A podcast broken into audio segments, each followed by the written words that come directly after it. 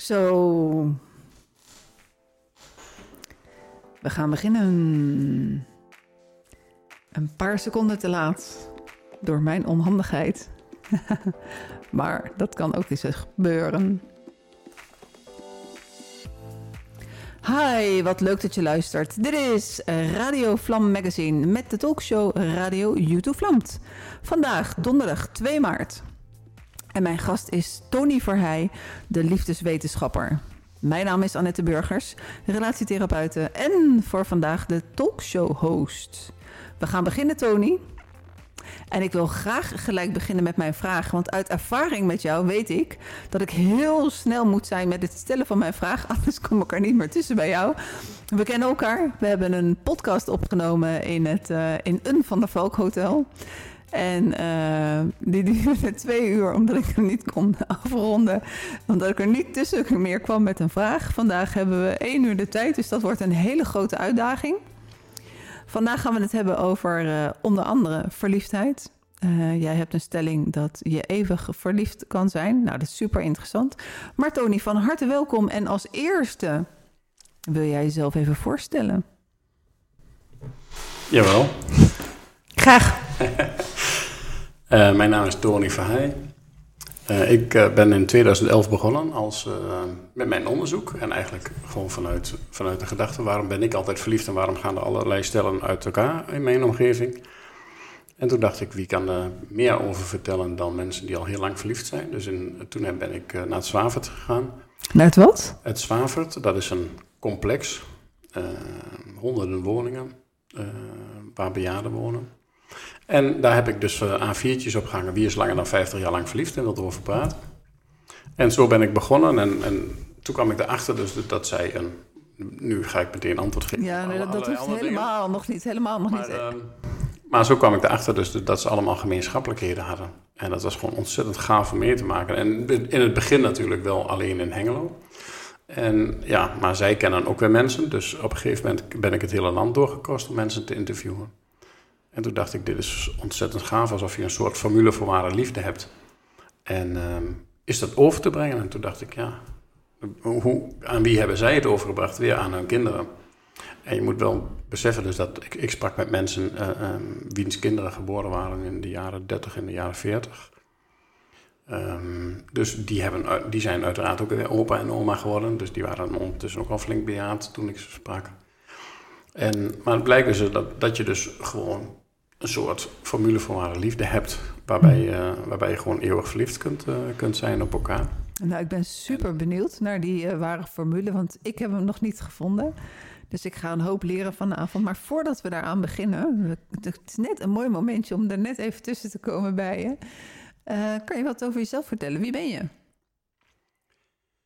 Behalve de naam Tony. Wie ben jij zonder de naam Tony? Oh, dat is een goeie. Uh, ik ben opgegroeid in een secte. En toen had ik een andere naam. Dus mijn naam Tony is, uh, heb ik zelf... Uh, heb je zelf gekozen? Heb ik zelf gekozen. Uh, toen ik 14 was, toen ben ik uit, de, uit die secte gestapt. Kan je zeggen welke, wat voor secte het was of dat liever niet? Noorse Broeders. Als je dat intikt op Google, dan komt er of misbruik of mishandeling achter te staan als de volgende zoeksuggestie. in ons geval was het mishandeling, dagelijks. Um, en dat varieerde van klappen krijgen omdat je dus iets stout had gedaan tot uh, niet weten waar je aan toe bent. Dus ik heb een, uh, dus een, van mijn specialismen is ook uh, binnen de relaties, dus zeg maar je kind wil je kind pijn, is een, niet alleen een onveilige kindertijd, maar een onveilige, onzekere kindertijd. Dus dat je niet als een kind kan voorspellen wanneer de vader of moeder, wanneer die tot uitbarsting komt, of, of je verzorger of op school. Maar voor kinderen is het heel belangrijk dus dat ze weten waar ze aan toe zijn. En um, ja, dat heb ik dus niet gehad. Um, ik zeg altijd, met uitzondering van de mishandeling heb ik een fantastische jeugd gehad. Alleen. Want jij zat daar met je ouders en die ja. zijn gebleven? Nou, zij zijn, zij zijn uit het geloof gestapt. Uh, maar op hetzelfde moment toen jij 14 was of, of later? Nee, ik ben nog, ik ben nog eventjes gebleven. Want, je bent gebleven? Uh, ja, ik ben gebleven, want ik had natuurlijk een fantastische tijd binnen dat geloof. Uh, ik ging zes keer per jaar naar Noorwegen. Ehm, ik heb zelfs rondgezworven in Noorwegen. Dus ik ging in mei ging ik, uh, ging naar Noorwegen en ik ging in september ging ik weer terug. Dus ja, voor een jongen van, van 14 waar dus gewoon niet of nauwelijks toezicht uh, op was. Ik, maar, had, maar ik, had natuurlijk wel... vrienden in, ik had natuurlijk vrienden in Noorwegen waarbij ik, uh, waar ik verbleef. Maar je werd wel misbruikt. Je, je, de gebeurde van het mishandeld. De, ja, als, ik, als, ik, als ik in Noorwegen werd, werd ik niet mishandeld. Mm -hmm. Nee, de mishandeling die vond thuis plaats. Um, door je eigen vader en door je eigen moeder? Nee, nee, nee, mijn moeder niet. Nee, mijn moeder is belachelijk lief. Dat is echt... Uh, achteraf heb ik haar uiteraard natuurlijk verweten. Dus dat zij zo lief was dat zij ons geen ruggengraat had bijgebracht. Um, nee, maar zonder mishandeling. Maar het, het vervelende was dus dat... Um, er zitten gradaties in mishandeling. En naar mijn gevoel... Maar dat, ja, dat wordt door allerlei literatuur wordt het uiteraard ondersteund. Maar Um, vanuit mijn persoonlijke ervaring kan ik dus zeggen dus dat de, de geestelijke mishandeling veel zwaarder uh, geldt dan voor, uh, dan voor het lichamelijke. Maar goed, om even terug te komen op je vraag. ja, wie is Tony zonder uh, de naam Tony? Ja. Um, je, we zijn gebleven dus, bij 14 jaar. Ja, ik ben opgegroeid in die secte. En um, ja, dan komt er momenten dus dat je dat je, je, je natte droom hebt en dat het zaakje dat het blijkt te werken. En vanaf dat moment was ik in één keer een seksueel hoofddier. Dat wist ik toen niet hoor. Maar toen mocht ik in één keer, van de ene dag op de andere, mocht ik helemaal niet meer omgaan met uh, de mensen, de, meisjes met wie ik omging in het geloof. Eentje daarvan was mijn beste vriendin. En eentje zat bij mij in de klas. En in één keer mocht ik niet meer, mocht ik niet meer omgaan met ze. Ik mocht niet meer, in, in, als het bij een tussenuur gingen we altijd naar hun huis. Want dat was 150 meter van de, van de, van de school vandaan. En dat mocht in één keer niet meer. Dus toen had ik, dus buiten dat mijn ouders hadden geen, waren uit het geloof gestapt. Um, maar ik mocht in één keer mocht ik ook allerlei dingen niet meer doen binnen dat geloof. Dus toen had ik geen binding meer. Dus toen ben ik er uiteindelijk ben ik eruit gestapt. Ja, en ik heb op latere leeftijd heb ik wel de schade zeg maar ingehaald. Maar, uh, en in die tijd had je in Hengelo had je vrije sluiting. Dus er waren 17 discotheken. Mensen uit uh, Arnhem, Amsterdam, uh, Apeldoorn, Deventer... die kwamen, trokken allemaal naar Hengelo toe. Ehm, want bij ons kon je tot, uitgaan tot 8, 9 uur s morgens. Terwijl in Amsterdam ging het in die tijd om 1 uur s'nachts ging het gewoon dicht. En ja, dat zorgde ervoor dat, ik, dat ja, je kon vanaf... je, kon, je kon gewoon vijf dagen in de week kon je gewoon uitgaan. En dat heb ik ook gedaan. Dus ik heb me wel op die manier uitgeleefd. Wat, wat ik wel zag was dat heel veel mensen die uit het geloof stapten. Als je een jong hond aan de ketting hebt en die laat je los, dan weet die, uh, dan weet die, dan weet die jonge hond weet van gekkigheid niet welke kant hij op moet rennen. En, uh, maar het ergste wat wij gedaan hebben is, is biertjes drinken en, en gaan roken. Dus maar wij, wij kennen natuurlijk ook de verhalen van andere kinderen die uit het geloof zijn gestapt en die veel ergere dingen gedaan hebben. Dus uh, die, die dus ook drugs en, uh, en uh, ja, seksverslaving, dat soort zaken mm -hmm. Maar goed, um, dus dat. ik heb gewoond in België, ik heb gewoond in Noorwegen, ik heb gewoond in Duitsland. Ik heb in, in Nederland op verschillende plekken heb ik gewoond. En ik ben um, vader geworden op mijn achttiende. En ehm, dat was een heel bijzondere omstandigheid. En ja, fantastisch jong. uh, mijn zoon heet Jurjen. Hij is uh, een, een flink uh, stuk groter dan ik. Nog, nog groter? ja, dan komt hij aanstampen met zijn 130 kilo en, en schoenmaat 48, 49. En ja, het is, dat is, maar het is gewoon fantastisch lief jong. Ja, je ogen gaan er helemaal van glinsteren. Ja, toen hij 18 was, toen, um, toen, toen, zei, toen zei hij uh, papa, ik denk dat mijn uh, puberteit niet meer komt. nee, maar ik heb hem dus slecht moeten maken. Ik heb echt moeten zeggen van, als jij, hem, als jij dat jongetje terugslaat, dan krijg je van mij een dikke ijskoor. En dan heb ik anderhalf jaar heb ik dat volgehouden, tot hij hem eindelijk eens een keertje op zijn neus terugsloeg. Maar zei hij niet toen hij 18 was, hé hey pa, nu ben ik 18 en echt wel raar, want toen kreeg jij mij? Nee, ik heb wel met hem het uh, gesprek gehad van de bloemetjes en de bijtjes. Toen was hij 13. Dus toen zeg ik tegen hem, ik zei, nou je bent nou 13 jaar oud. Ik zal met jou uh, eh, ik, ik wil met jou even het gesprek aangaan over de bloemetjes en de bijtjes. Toen zegt hij, ja, is goed pa, wat wil je weten? Geweldig. Hey, maar we, gaan eventjes naar, naar, naar het feit liefdeswetenschapper. Liefdeswetenschapper, ehm, ja, aan welke universiteit kan je dat studeren? Ja, dat is het nadeel. Er zijn, in Nederland zijn er drie mensen die dezelfde titel dragen. Um, eentje daarvan is Helen Fisher. Dat is mijn heldin. Zij is een uh, arts uit, uit Amerika. En zij legt mensen fysiek onder de scanner om te kijken welk deel van het brein oplicht op het moment dus dat je denkt aan je geliefde.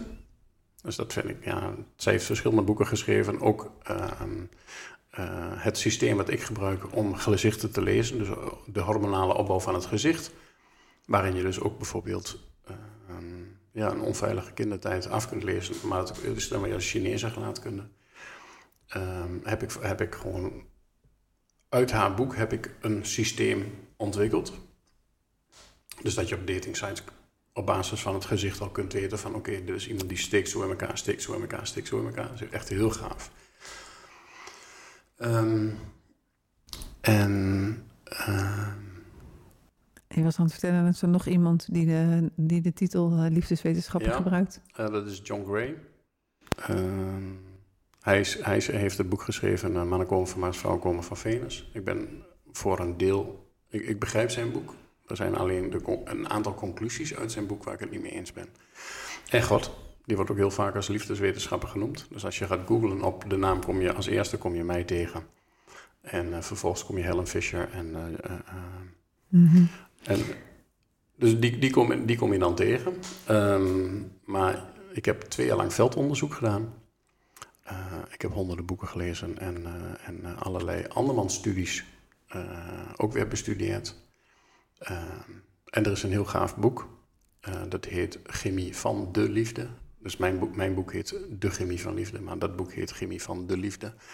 Is, ik geloof, iets van 500, 600 pagina's. En het gaat met name over woelmuizen uh, als je die bij elkaar zet, hoeveel oxytocine wordt er dan aangemaakt? En als je dan oxytocine toevoegt bij de mannetjes, wat gebeurt er dan binnen die dynamiek en dat soort dingen? Voor mij is dat een rete gaaf boek. anderen denken, ander, wat moeten we hiermee? Wat, wat moeten we hiermee? ja. Nee, maar het gaat namelijk, ik, ik geloof wel meer dan 200 pagina's in het boek gaat puur en alleen over, over, over, over woelmuizen en dat soort zaken. Um, dus voor mij, is dat, voor mij zijn dat soort feitjes zijn interessant. Ik ben heel erg van de, van de cijfers en de, en de weetjes. Ja, daar gaan we het daar gauw naartoe over. Ja, is goed. Ja, dan komen we terug bij, uh, bij wat je aan het vertellen was. Je ging onderzoeken hoe oudere mensen, bejaarden die al, die al meer dan 50 jaar bij elkaar zijn, waren, hoe die hun relatie zo goed hadden gekregen. Ja, dat onderzoek. Ja, het ging mij puur en alleen over. Ging mij, de vraag was uh, ben je langer dan 50 jaar lang verliefd en wil je erover praten? En uh, bij stel 3, 4 had ik al een soort lijstje in mijn hoofd dat ik dingen afvinken kon die zij dus gemeenschappelijk hadden. En die dingen die zij gemeenschappelijk hadden, um, die kwam ik in gesprek 5, 6, 7 en op een gegeven moment uh, gesprek 17, 18, et cetera, kwam ik, kwam ik dat ook tegen. En ik ben ergens ben ik een, een familie tegengekomen. Die waren op dat moment 63 jaar lang bij elkaar. En die misten een paar vinkjes. En toen dacht ik, dat is raar. En toen ging uh, zij ging naar de, uh, zij ging naar de keuken om nog uh, thee in te schenken. En toen boog die, die man die boog zich naar mij toe en die ging iets vertellen over haar, wat gewoon niet aardig was. En toen dacht ik, dit, dit is gewoon raar. En uh, ik herkende het niet meteen. Uh, maar aan het eind van het gesprek was me wel duidelijk dus dat die mensen, die waren niet verliefd op elkaar. Die mensen waren gewoon bij elkaar om bij elkaar te blijven. Omdat het zo hoort. Omdat, omdat de maatschappij het zo voorschrijft. En omdat je dus een geschiedenis hebt met elkaar. Je hebt kleinkinderen en je hebt dit en dit en dit. Maar die mensen die, die waren gewoon, ze leefden naast elkaar. Um, ja, die waren gewoon gewend aan elkaar. Dus, dus, maar er was geen, het was geen liefde. Mm Dus op basis van uh, alle, alle enquêtes die je gehad hebt, alle interviews, alle leuke gesprekken met, uh, met, met uh, mensen een beetje op, op leeftijd, heb jij, ben je tot een aantal conclusies gekomen. Ja. Er zijn uh, 18 ingrediënten voor de formule volwaardige liefde. En zeg maar 70% daarvan is zeg maar de beker waar, waar al die ingrediënten in gemengd wordt. En dat is dankbaarheid. En dus dankbaarheid is de beker waar, wat, wat als, als dat ontbreekt. En ik, um, ik heb uh, 20 januari uh, stond ik in het theater in Brussel. En toen, dat is mijn laatste theatervoorstelling geweest. Um, maar normaal gesproken, als ik, als ik lezingen geef of trainingen geef, dan gebruik ik vaak gebruik ik tandenpoetsen als voorbeeld. Dus voor degene die visueel is ingesteld, die moet maar even heel even de oren dicht doen. Maar een, een relatie um, kun je vergelijken met het tandenpoetsen. Dus als je een keertje, um, als je, een keertje je tanden niet poetst, dan is dat niet zo erg. Maar dan moet je de dag daarna moet je wel extra hard, uh, extra goed uh, je tanden poetsen om ervoor te zorgen dus dat, het, uh, dat zaakje heel blijft. Maar wat nou als je een keertje een weekje lang, lang je tanden niet poetst? Of een maand lang of jarenlang. Ja, dan vallen de gaten er wel in, denk ik. Op een gegeven moment vallen de gaten mm -hmm. in je gebit. Nou, en het is bij een relatie is dat met dankbaarheid zo, ook zo. Dus als je op een gegeven moment... Je kunt wel een keertje niet dankbaar zijn voor, uh, voor je partner. Maar als je een week lang niet dankbaar bent voor je partner... of een maand lang niet of een jaar lang... op een gegeven moment vallen de gaten in je relatie. Dus als jij jouw partner voor lief gaat nemen... en dat is, dat is vaak het begin van het einde. Dus dat als je niet meer uh, ziet wat je in huis hebt... dan gaat het ook dan, dan, dan um, gaat jouw brein die gaat ook de mogelijkheid uh, openzetten voor de dingen die buiten jouw relatie zijn. Ja, en dan komen we een andere tak van sport waar we het uh, nu voorlopig in ieder geval nog niet over gaan hebben. Uh, dankbaarheid. Uh, kan je definiëren wat voor soort dankbaarheid? Nou, dat, dankbaarheid kan op heel veel verschillende manieren. Je kunt dankbaar zijn voor überhaupt dus dat je een partner hebt. Um, in mijn geval is dankbaarheid komt in mijn leven op heel veel verschillende manieren voor. Ik, ben, uh, ik heb vier keer leren lopen in mijn leven. Uh, mijn rolstoel ligt, de tijd ligt al een behoorlijk eindje achter mij. Maar ik kan je wel vertellen dus dat um, er dagen zijn dat ik mij bewust ervan ben. Dus dat ik loop en dat ik wandel. Uh, ik wandel best veel. Um, voor iemand waarvan de artsen vroeger zeiden dat ik, dat, ik dat nooit zou kunnen, ben ik daar best dankbaar voor. Mm-hmm. En en ik vind het jammer dat wij in ons leven heel veel ellende meemaken moeten om, om, om daar dankbaar voor te zijn. En terwijl, Fokmans, heb je enig idee hoe fantastisch zuurstof is? dus als je, als je gaat kijken naar uh, waar je dankbaar voor kunt zijn, ik bedoel, wij leven, uh, je kunt wel de hele tijd mopperen over, uh, over de regering en hoe, uh, hoe slecht bepaalde dingen geregeld zijn in Nederland. Maar tegelijkertijd, als je kijkt naar hoe fantastisch alles geregeld is in Nederland. En dat, ik, ik, ik, ik coach mensen dus bijvoorbeeld op zelfbeeld. Ehm, als je gaat kijken wat er niet goed is aan jou, dan ga je dat zien. Maar als je gaat kijken wat er wel goed is aan jou, ga je dat zien. Dus het maakt geen hol uit wie je bent. Het gaat erom de manier waarop je naar jezelf kijkt. Mm-hmm. Maar als we dan teruggaan naar die relatie en uh, stel dat wij een relatie zouden hebben um, en uh, jij zegt de dankbaarheid dat maakt um, dat je, zeg je het eigenlijk, dankbaarheid maakt dat je eeuwig verliefd kan zijn? Nee, maar het is wel de basis. Het is de basis. Uh, ja. dan, zal ik, dan zal heb ik, jij... zal ik misschien, misschien is het handig om uit te leggen wat verliefdheid is en wat de, wat de verschillende fases daarvan zijn. Want dat is want op die manier kun je dus het onderscheid ook zien. Je hebt um, een biologische verliefdheid. Um, dat is verliefdheid die, um, die, die is niet altijd even handig. je bent gewoon, ik weet niet, uh, ik weet niet of je dat, dat gevoel er, er wel eens ervaren hebt, maar ben je gewoon echt knetterverliefd en heb je gewoon een tunnelvisie. Je serotonine systeem. Ja, een soort van ontoerekeningsvatbaar vind ik dat altijd. Ja, ja, dat is, ja, Um, uh, 80% van alle arbeidsongelukken gebeuren door mensen die niet met hun hoofd erbij zijn. Dus mm. die bijvoorbeeld uh, in hun familie is er iemand die um, bezig is met overlijden of uh, ernstig ziek of wat dan ook. Maar verliefde mensen zijn ook heel gevaarlijk. omdat die gewoon, die zijn met hun hoofd, zijn ze niet bij hun werk bezig. Die zijn met hun hoofd bij, bij, bij, bij degene bezig op wie ze verliefd zijn. Dus, um, maar in ieder geval... Dat is de biologische? Een, ja, nee, nee, nee. De biologische duurt zes tot acht weken. Uh, en in die zes tot acht weken stelt de natuur stelt jou in staat om uh, een kindje te kunnen maken. En degene wat het en het is dus niet je libido wat mega hoog is in die periode, maar je fantasie. Dus, dus op het moment dus dat jij verliefd bent, dan is met name datgene wat het meest getriggerd wordt, is, is, is dit, zeg maar, het, het, de bovenkant van je, van je brein. wordt het meest getriggerd. Ehm, en daar komen ook de mooiste liederen uit en de, en de prachtigste gedichten en, uh, en dat soort dingen. Uh, en ja, het is inderdaad het is een tunnelvisie. Dus jij zei ontoerekeningsvatbaarheid. Maar dat klopt, je krijgt een soort uh, OCD. Je bent dwangmatig. En de natuur doet dat om ervoor te zorgen dus dat jij die drang hebt om dat kindje te maken. Dat is zeg maar de, de, de. En op het moment dus dat jij. Op het moment dat die uh, vorm afneemt. En het is ook heel prettig dat die vorm afneemt, want die mensen die, die, die zijn gewoon voor, in, voor, voor die periode van zes tot acht weken zijn ze gewoon, zijn ze gewoon uh, ja, redelijk gevaarlijk, zeg maar. Ja, dat kan je niet voorloven om de rest van je leven. Nee, nee.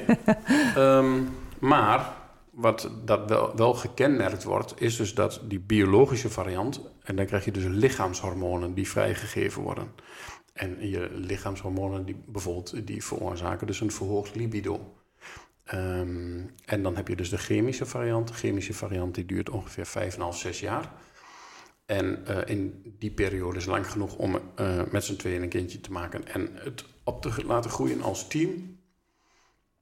Um, en in die periode komt er ook een, een, een, een, combinatie van stoffen in je brein vrij, die ervoor zorgt dus dat je minder allergisch bent voor elkaar.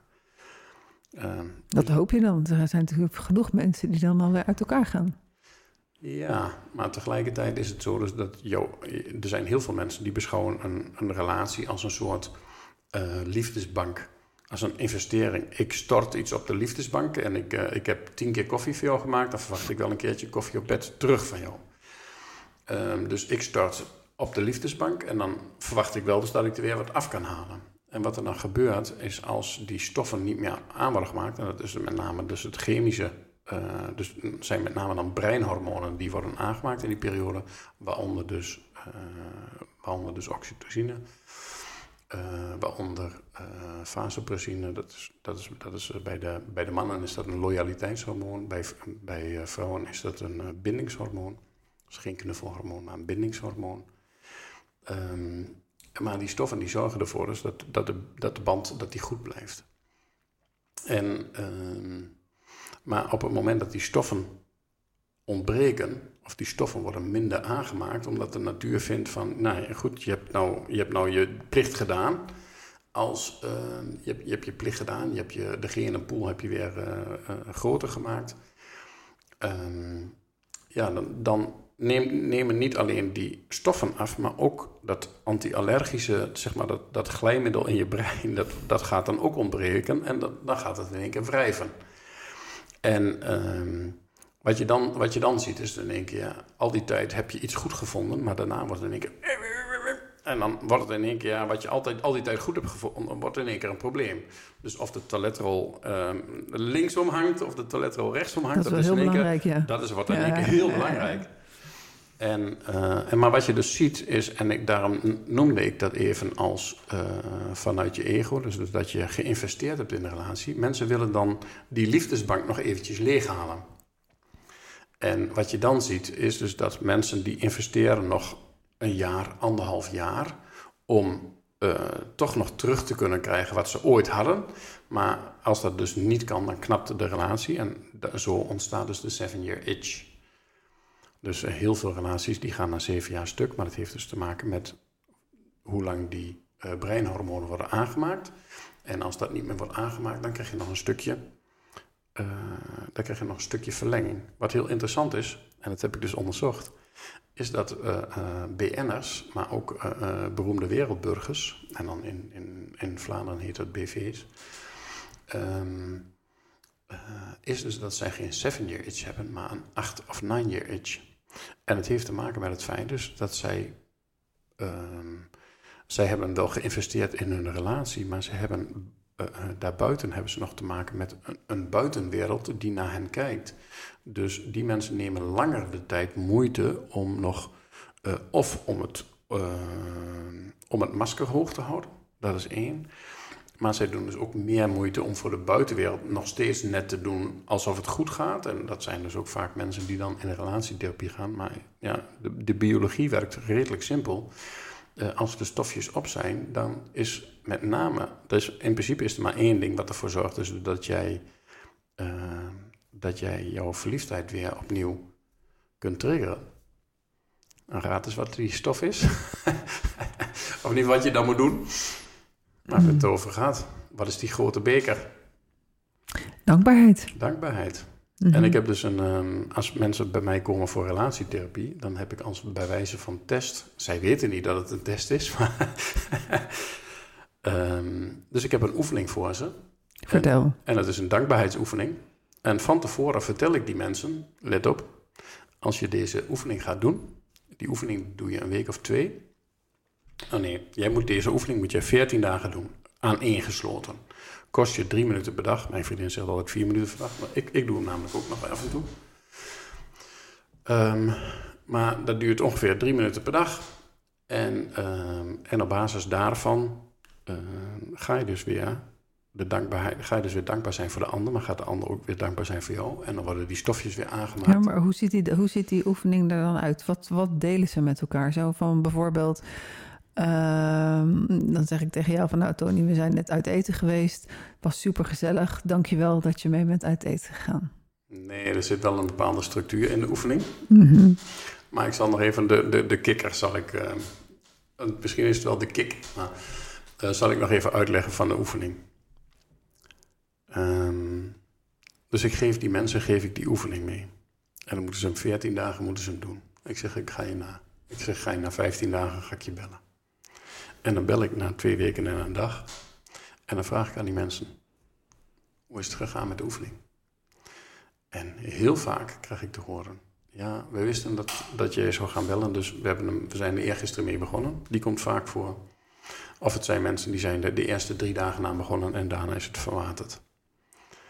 En de oefening is gewoon een hele krachtige oefening. Want de oefening, de, mensen die hem daadwerkelijk doen, en zijn helaas maar heel weinig.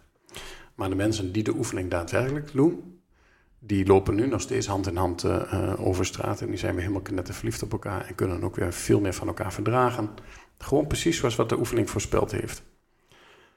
Maar, ik ben zo benieuwd naar die oefening, kom op. Maar als jij, maar als jij de oefening, maar als je de oefening niet doet, mhm. als je de oefening niet doet, waarom zou ik je dan een relatietherapie gaan geven? Want als je er geen moeite voor in. Als jij, als jij nog niet eens de moeite neemt om drie minuten te investeren in je eigen relatie, waarvan je van tevoren al weet, let op, je gaat weer verliefd worden op elkaar, uh, je gaat meer van elkaar verdragen en je, je, je sterkt ook nog eens een keertje je eigen zelfbeeld. Hè? Nou, en waarom is dat? Omdat namelijk in de oefening ga je dus drie dingen doen. In de oefening zeg jij, uh, ik ga hier aan werken, dit is een verbeterpunt van mij. Dus ik zeg een verbeterpunt, vervolgens zeg jij jouw verbeterpunt. Je mag niet reageren op elkaar. Um, de tweede is, um, ik noem drie dingen die ik goed vind aan jou. En dan noem jij drie dingen die je goed vindt aan mij. En ik noem vijf kwaliteiten van jou. En vervolgens noem jij vijf kwaliteiten van mij.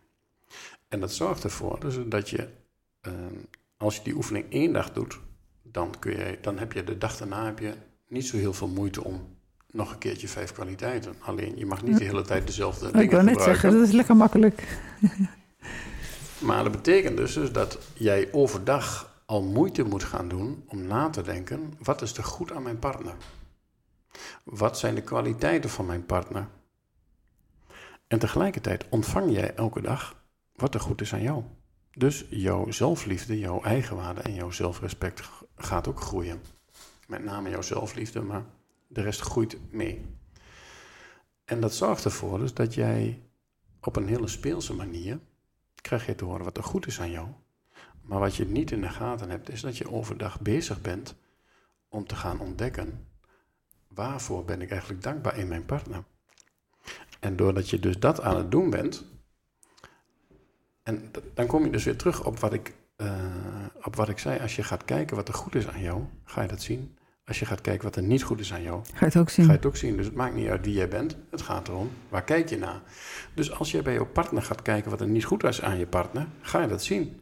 En door die oefening word je noodgedwongen, maar doordat, doordat de oefening langer duurt, heb je dus meer tijd nodig. Kijk, je kunt iemand, kan, je kunt iemand recht dossier noemen, je kunt iemand oprecht noemen, je kunt iemand eerlijk noemen. Dus nou, dan heb je dus verspreid over drie dagen, heb je alweer drie woorden. Snap je wat ik bedoel? Mhm.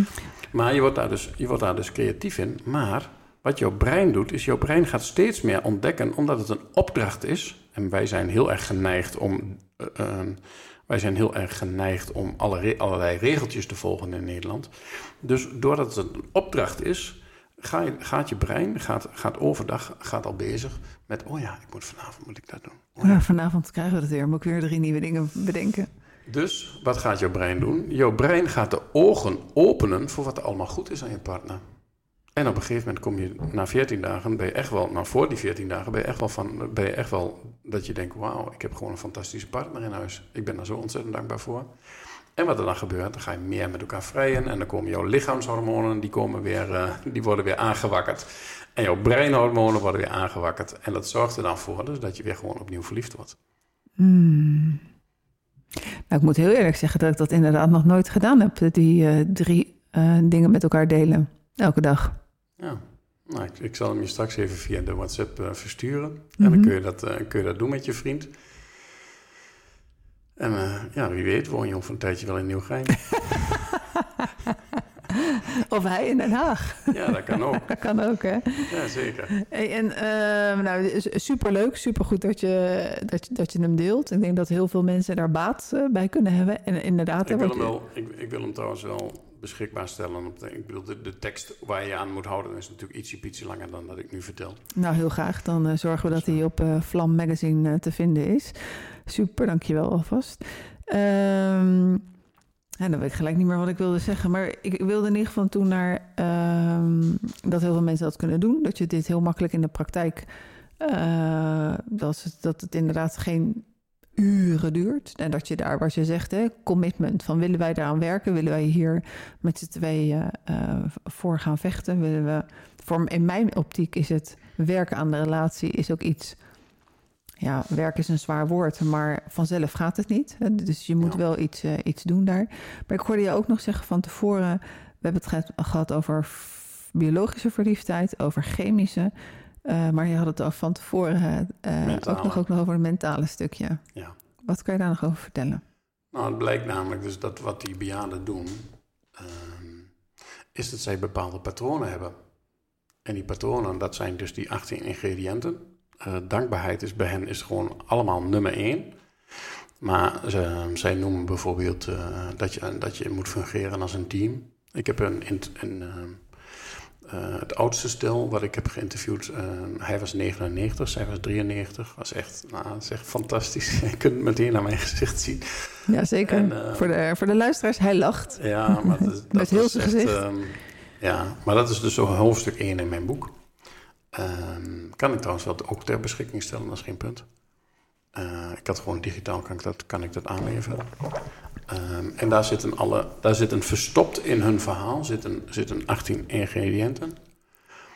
Um, die mensen die hebben een fantastische geschiedenis meegemaakt en ook een gruwelijke geschiedenis. Tijdens de Tweede Wereldoorlog moesten ze keuze maken tussen welk kind ze lieten leven en welk kind niet. Um, ja, het raakt je nog elke keer, want ik weet nog van twee jaar geleden, dat, toen wij de, uh, de podcast hadden, ja. was het ook. Dat het, je, Ja, dat- dat het stuk. blijft je raken. Hè? Het is een onmogelijke keuze ook voor mensen. Ehm, nou, weet je wat het is? Ik zat bij die mensen. ehm, ik ben bij hen geweest. En. ehm, ehm, ik heb natuurlijk ook gesprekken gehad met hun zoons. Want ik heb nadat ik dus de, zeg maar de eerste generatie heb ge- geïnterviewd, heb ik de, de, de, de tweede generatie geïnterviewd. En daarna transgenders. Omdat ik steeds meer kreeg van het sociale leren. Dus ik heb eh, tweelingen, meerlingen, maar dan jonge meisje, man, vrouw heb ik dan geïnterviewd. Ehm, maar ja, ik zit, ik zit bij die mensen aan tafel en, en eh, ik, ik, ik praat met hen. Ik, ik, maar ja, ik ben energetisch behoorlijk uh, invoelend. En ik krijg gewoon bepaalde dingen krijg ik mee. En ehm, ja, dus het heeft ook een week of zes geduurd voordat ik uh, ook het op kon schrijven wat er met hun dochter is gebeurd. Um, kan je dat delen of is dat te heftig? Ja, als je mij aan het huilen wil krijgen, dan. nou, ik kan het wel proberen. Um,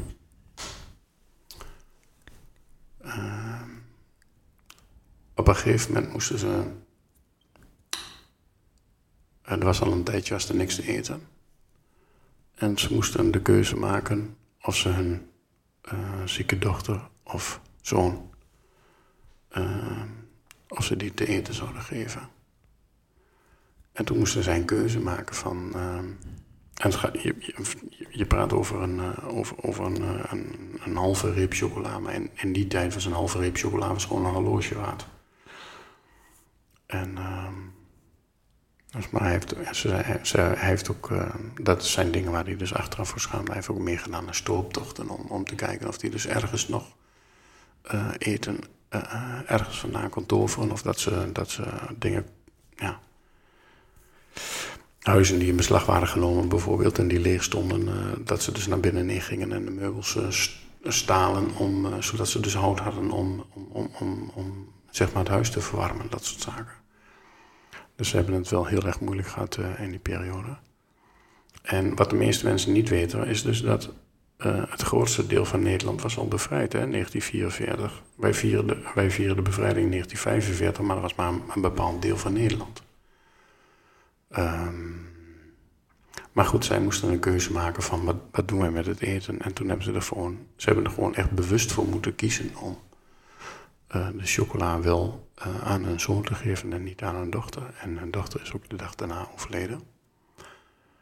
Um, maar de keuze was dusdanig, dus, dus dat of, uh, of ze gingen naar delen, maar dan was de kans dus dat hun zoontje dan ook, die was al ondervoed, maar er was de kans dus dat hij dan ook zou overlijden. Dus zaten in principe zaten ze in een heel vreselijk spagaat. En... Uh,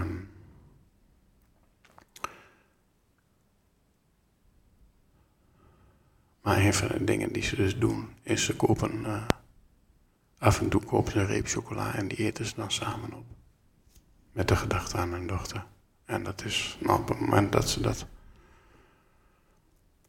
ja, moment dat ze dat vertelden en ook de liefde die je dan tussenin voelt, ja, die is gewoon waanzinnig.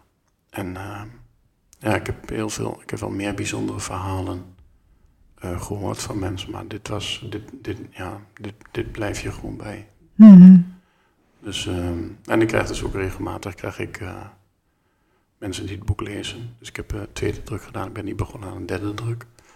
Maar ik ga hem nog wel digitaal uitgeven. Dus dan, dan krijg je een pdf of uh, wat is het, een pub. Um,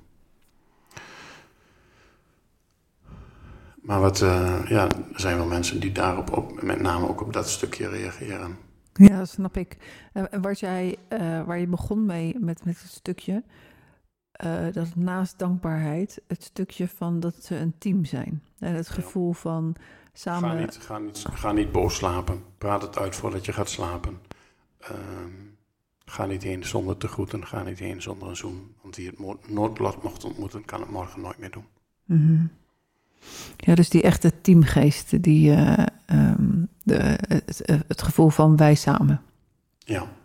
Um, dat is dan de mentale liefde. Ja, en het is wel zo, ik, ik, ik wil wel een onderscheid maken. Kijk, heel veel mensen denken van, val je partner niet af voor, je, voor de neus van je kinderen? Als, voor wie doet die zijn neus dan ook? Ja, ja. Mijn advies is om dat wel te doen. Wanneer het in het belang is van het kind.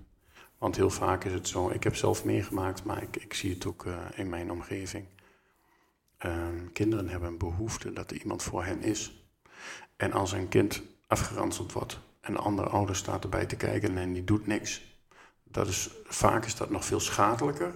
Dat de ouder die niks doet en dat het kind het gevoel heeft dat het er alleen voor staat. Ik bedoel, uh, ja, bij ons in huis was dat gewoon een, een haast schizofrene situatie. Uh, wij werden geslagen en vervolgens gingen we aan tafel en moesten we weer vrolijk doen.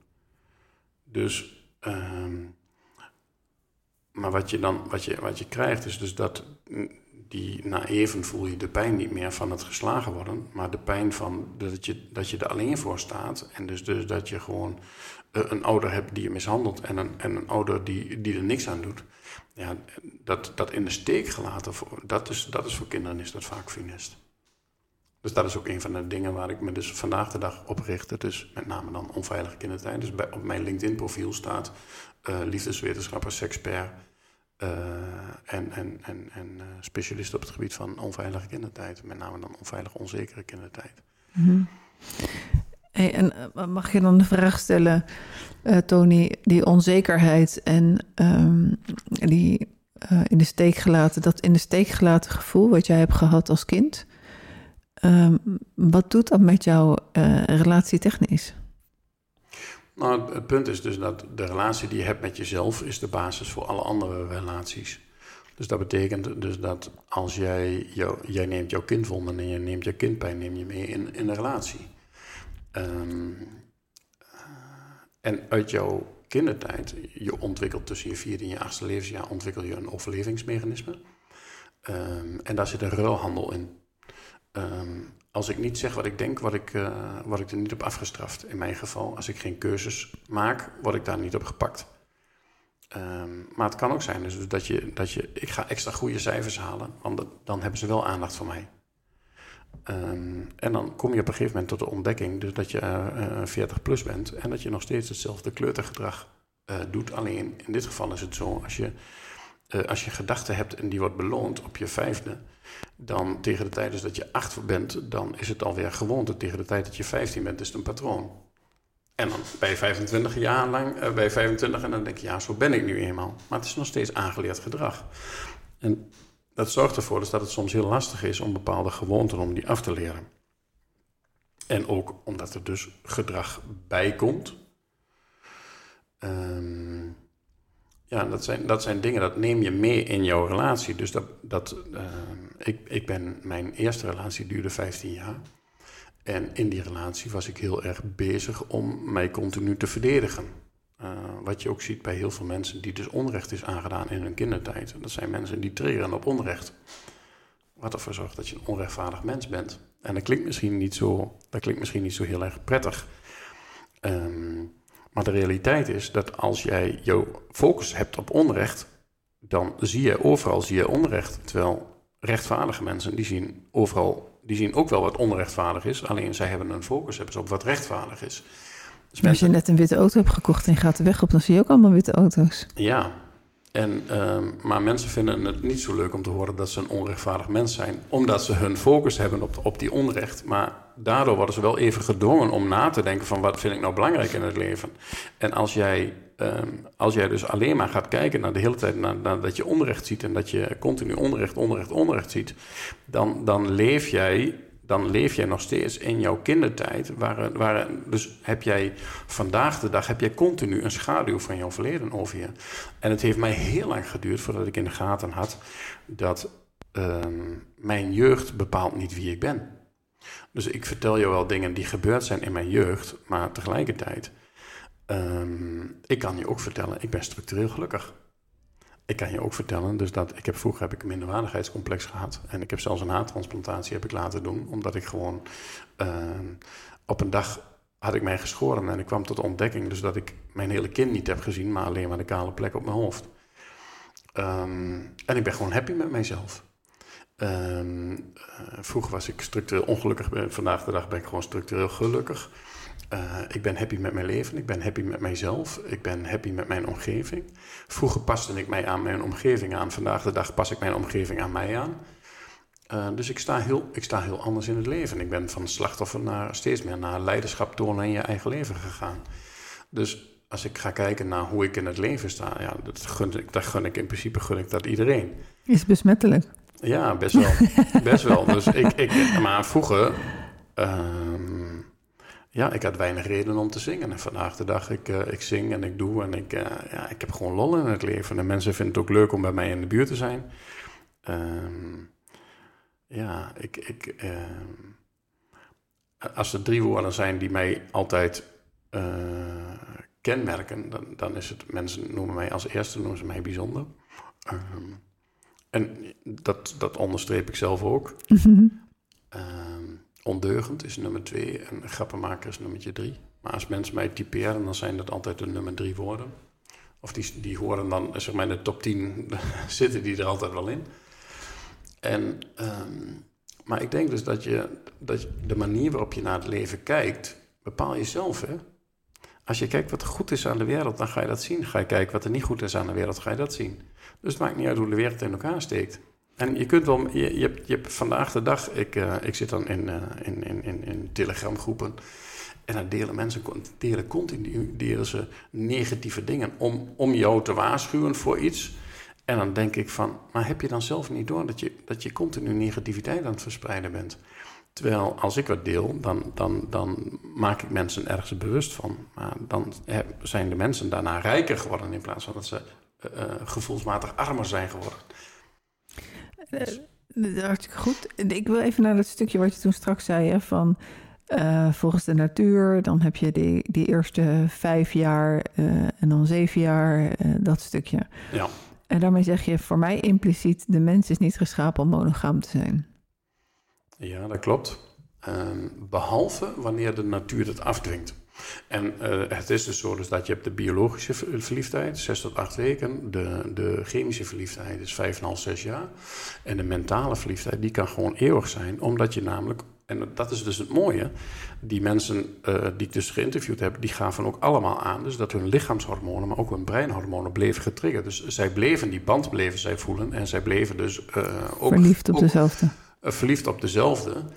Uh, dus in principe kun je gewoon eeuwig verliefd zijn als jij, als jij maar gewoon die, die uh, 18 ingrediënten plus de, plus de, de, de basis, uh, dus de dankbaarheid, zolang je dat maar toepast. En um, ja, dat is, dat is gewoon heel gaaf. Tegelijkertijd is het zo dat als je dat dus niet doet, ja, dan maakt jou, jou de biologie, de, de mens is van nature is niet monogaam. Tenzij je verliefd bent. Dus verliefdheid dwingt monogamie af.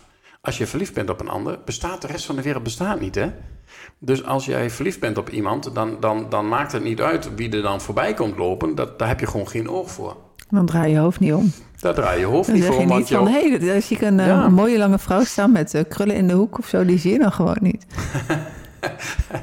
die zie je dan gewoon niet. Ja. En, um, dus, maar, maar het interesseert je ook niet.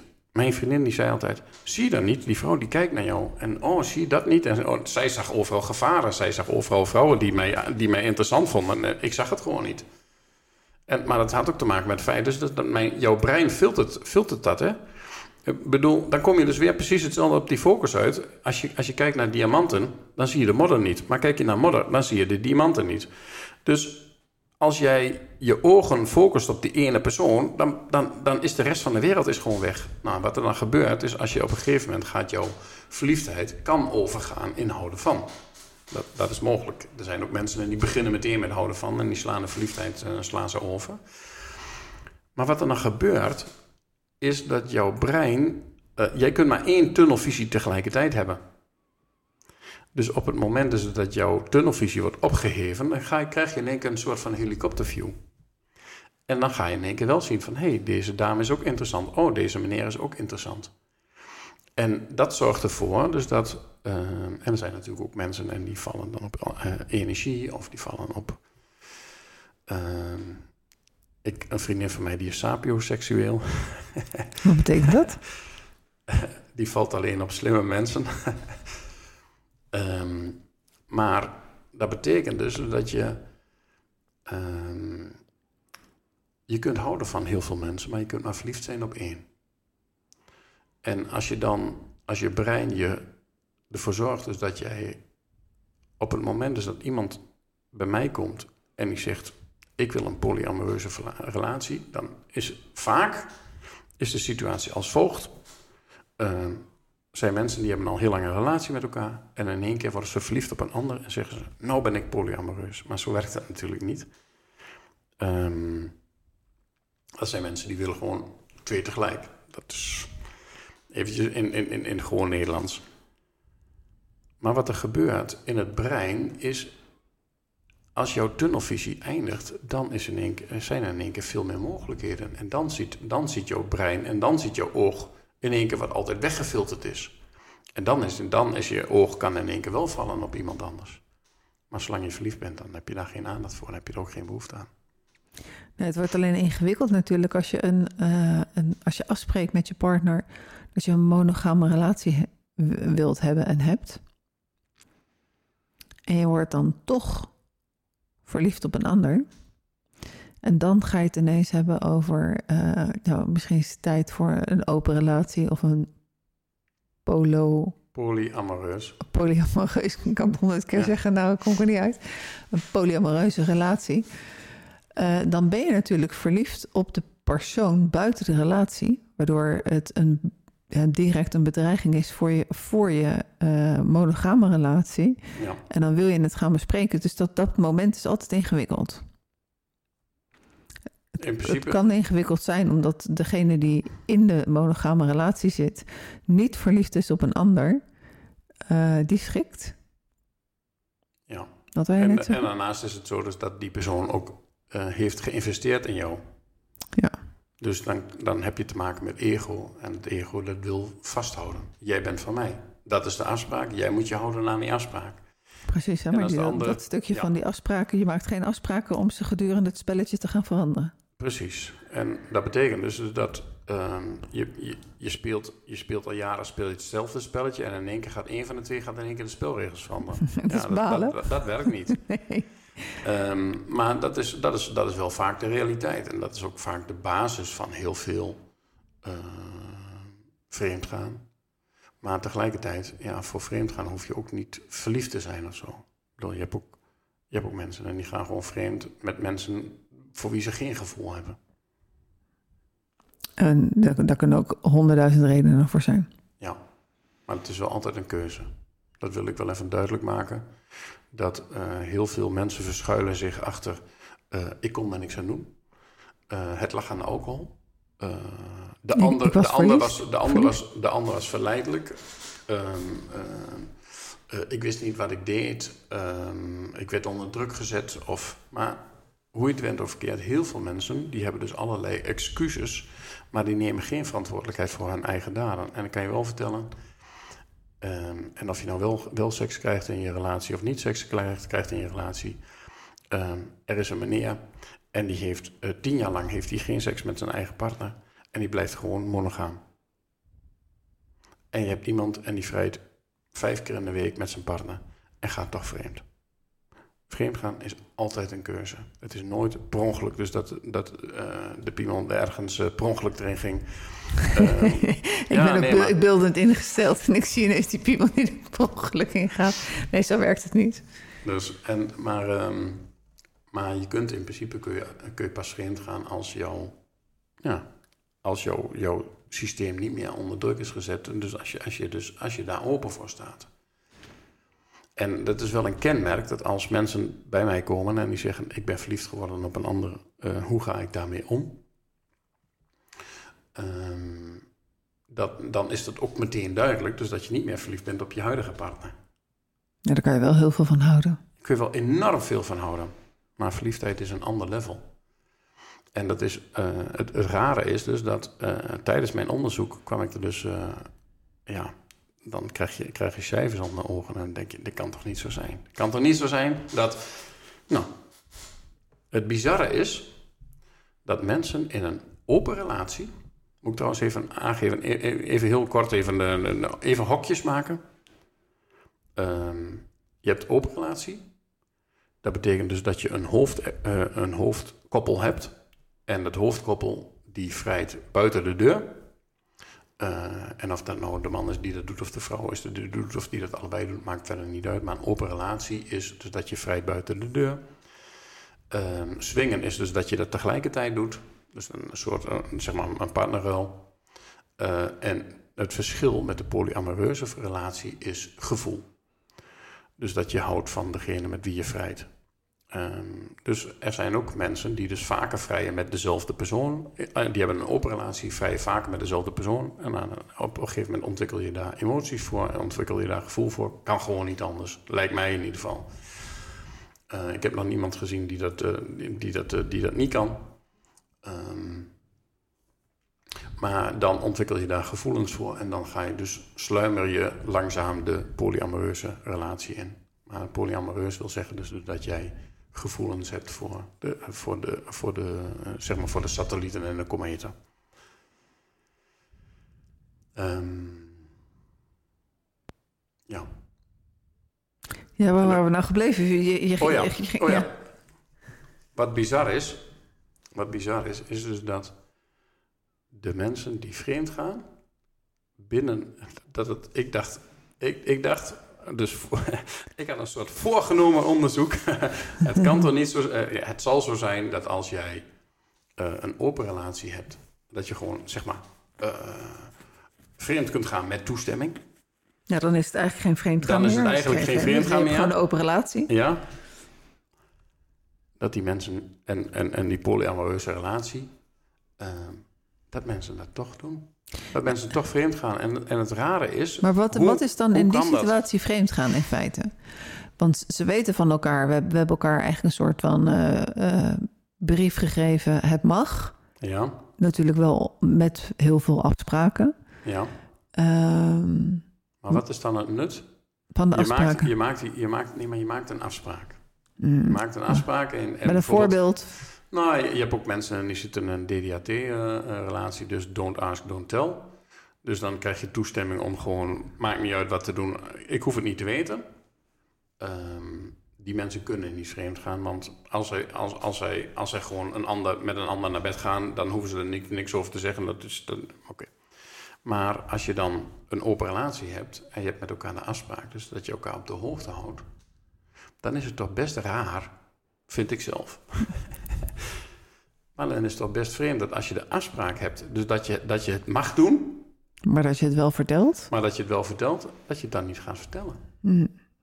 Ik snap hem ook niet zo goed. Nee. Maar het blijkt dus, dus dat de mensen in een polyamoreuze relatie en, en eh, in een Open relatie. open relatie, dat ze vrijwel dezelfde vreemdgaan cijfers hebben als de mensen in een monogame relatie. Nou, dat vind ik best bijzonder. Mhm. Enig En- idee hoe het komt? Ja, de mens heeft toch behoefte om eh, gezien te worden, gehoord te worden. Maar met name eh, eh, ligt het op het vlak van: ik heb iets voor mijzelf.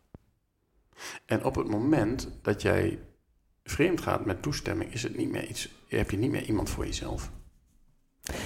En denk je ook niet van als je, als je vreemd gaat en je partner weet het niet, dan zit er ook iets van spanning en sensatie in, waardoor je toch een, een andere kick ervan krijgt dan dat je partner het weet.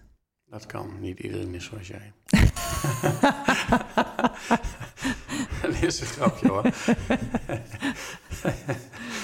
Nee, maar dat lijkt me dan zo. Nee, maar je hebt in jouw werk heb je natuurlijk dat soort ervaringen. En, dus, of dat, en dat, dat mensen met dat soort eh, dingen bij jou komen.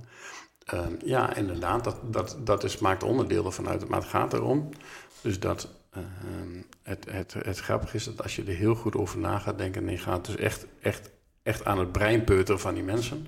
dan zeggen ze ja, dat komt daardoor en dat komt daardoor. Maar als ze dus echt, de, als ze dus echt met jou de diepte ingaan... dan blijft die ene regel blijft overeind. Ik wil iets voor mijzelf. Ik wil iets voor mijzelf. Nou, we hebben nog twee minuten te gaan. Welke vraag heb ik je nog niet gesteld en wil jij graag voor jezelf om toch nog even iets te vertellen wat je graag had willen vertellen toen jij tweeënhalf uur hier naartoe eh, in de auto zat waar je, waar je dacht van, dat wil ik vanavond nog even kwijt. Als, ehm, als je een vriend hebt die de hele tijd zijn portemonnee vergeet bij, eh, als er afgerekend moet worden, dan ga je daar op een gegeven moment aan irriteren. En wat in een relatie is vaak is de man is die wel iets komt halen bij de seks, maar niet iets komt brengen. En ik vind het en, en vervolgens zijn er dus heel veel relaties waarin weinig gevreden wordt. Maar dat heeft de man over het algemeen aan zichzelf te danken, omdat hij continu aan het halen is en niet iets komt brengen. En dat is heel simpel. Als je een vrouw super gelukkig maakt, wat is dan de kans dat ze. Is de, is de kans dan groter dat ze de volgende keer ja zegt, of is de kans dan kleiner dat ze de volgende keer ja zegt? De kans is groter natuurlijk. Uiteraard. Maar de man blijft de hele tijd naar de vrouw wijzen. Ja, ze heeft hoofdpijn of dit gaat niet goed en dat gaat niet goed. Maar ik kan je wel vertellen, als jij een vrouw gelukkig maakt, dan kun je dat ook weer terug verwachten. Mhm. En als je alleen maar komt halen in een relatie, dan is op een gegeven moment dus die liefdesbank is leeg. En dan is er gewoon niks meer te halen. En wat de vrouw dan gaat doen is, ik heb geen behoefte aan, eh, ik heb geen behoefte aan jou. En op zich, is dat, op zich is dat heel logisch, want het brengt daar niks. Het brengt daar voornamelijk frustratie. Jij bent je zaakje kwijt, maar, uh, maar, maar zij blijft achter en uh, jij ligt er ronken in bed. Is dat wel biologisch bepaald dat je in, dat je in slaap dondert. Alleen, ja, je kunt ook je kunt ook voor zorgen dat je plezier hebt met z'n tweeën. En als, jij, uh, als de man 70% plezier heeft en, en, en, en, de, en de vrouw 30% plezier, ja, waarom zou zij dan op een gegeven moment tevreden blijven met die, met die 30% wat zij krijgt? Dus dat is, dat is wat ik nog de heren mee wil geven. Van als je betere seks wil in je relatie en je wilt, uh, je wilt meer vrijen in je relatie, zorg er dan voor dus dat je de liefde bedrijft en, en niet dat je seks hebt, want seks verneukt uh, je relatie. Nou, dat is een hele mooie quote. Tony, super dankjewel voor, uh, voor je bijdrage, voor, om hier te zijn, om je kennis te delen. En we ontvangen de, de opdracht nog van je. Ik zal zorgen dat die... en hoofdstuk 1 en hoofdstuk 1 van, uh, van je boek. Uh, dat hij op Vlam Magazine terechtkomt. En uh, het was me weer een waar genoegen. Super, dankjewel. En voor de luisteraars ook dankjewel om de, voor te luisteren, om aanwezig te zijn. En over twee weekjes dan ben ik er weer. En dan is Tineke Rodenburg mijn gasten. En ook daar verheug ik me weer op voor vanavond als je tenminste live meeluistert, als je de podcast beluistert, dan kan dat natuurlijk een heel ander moment zijn. Dankjewel en tot over twee weekjes.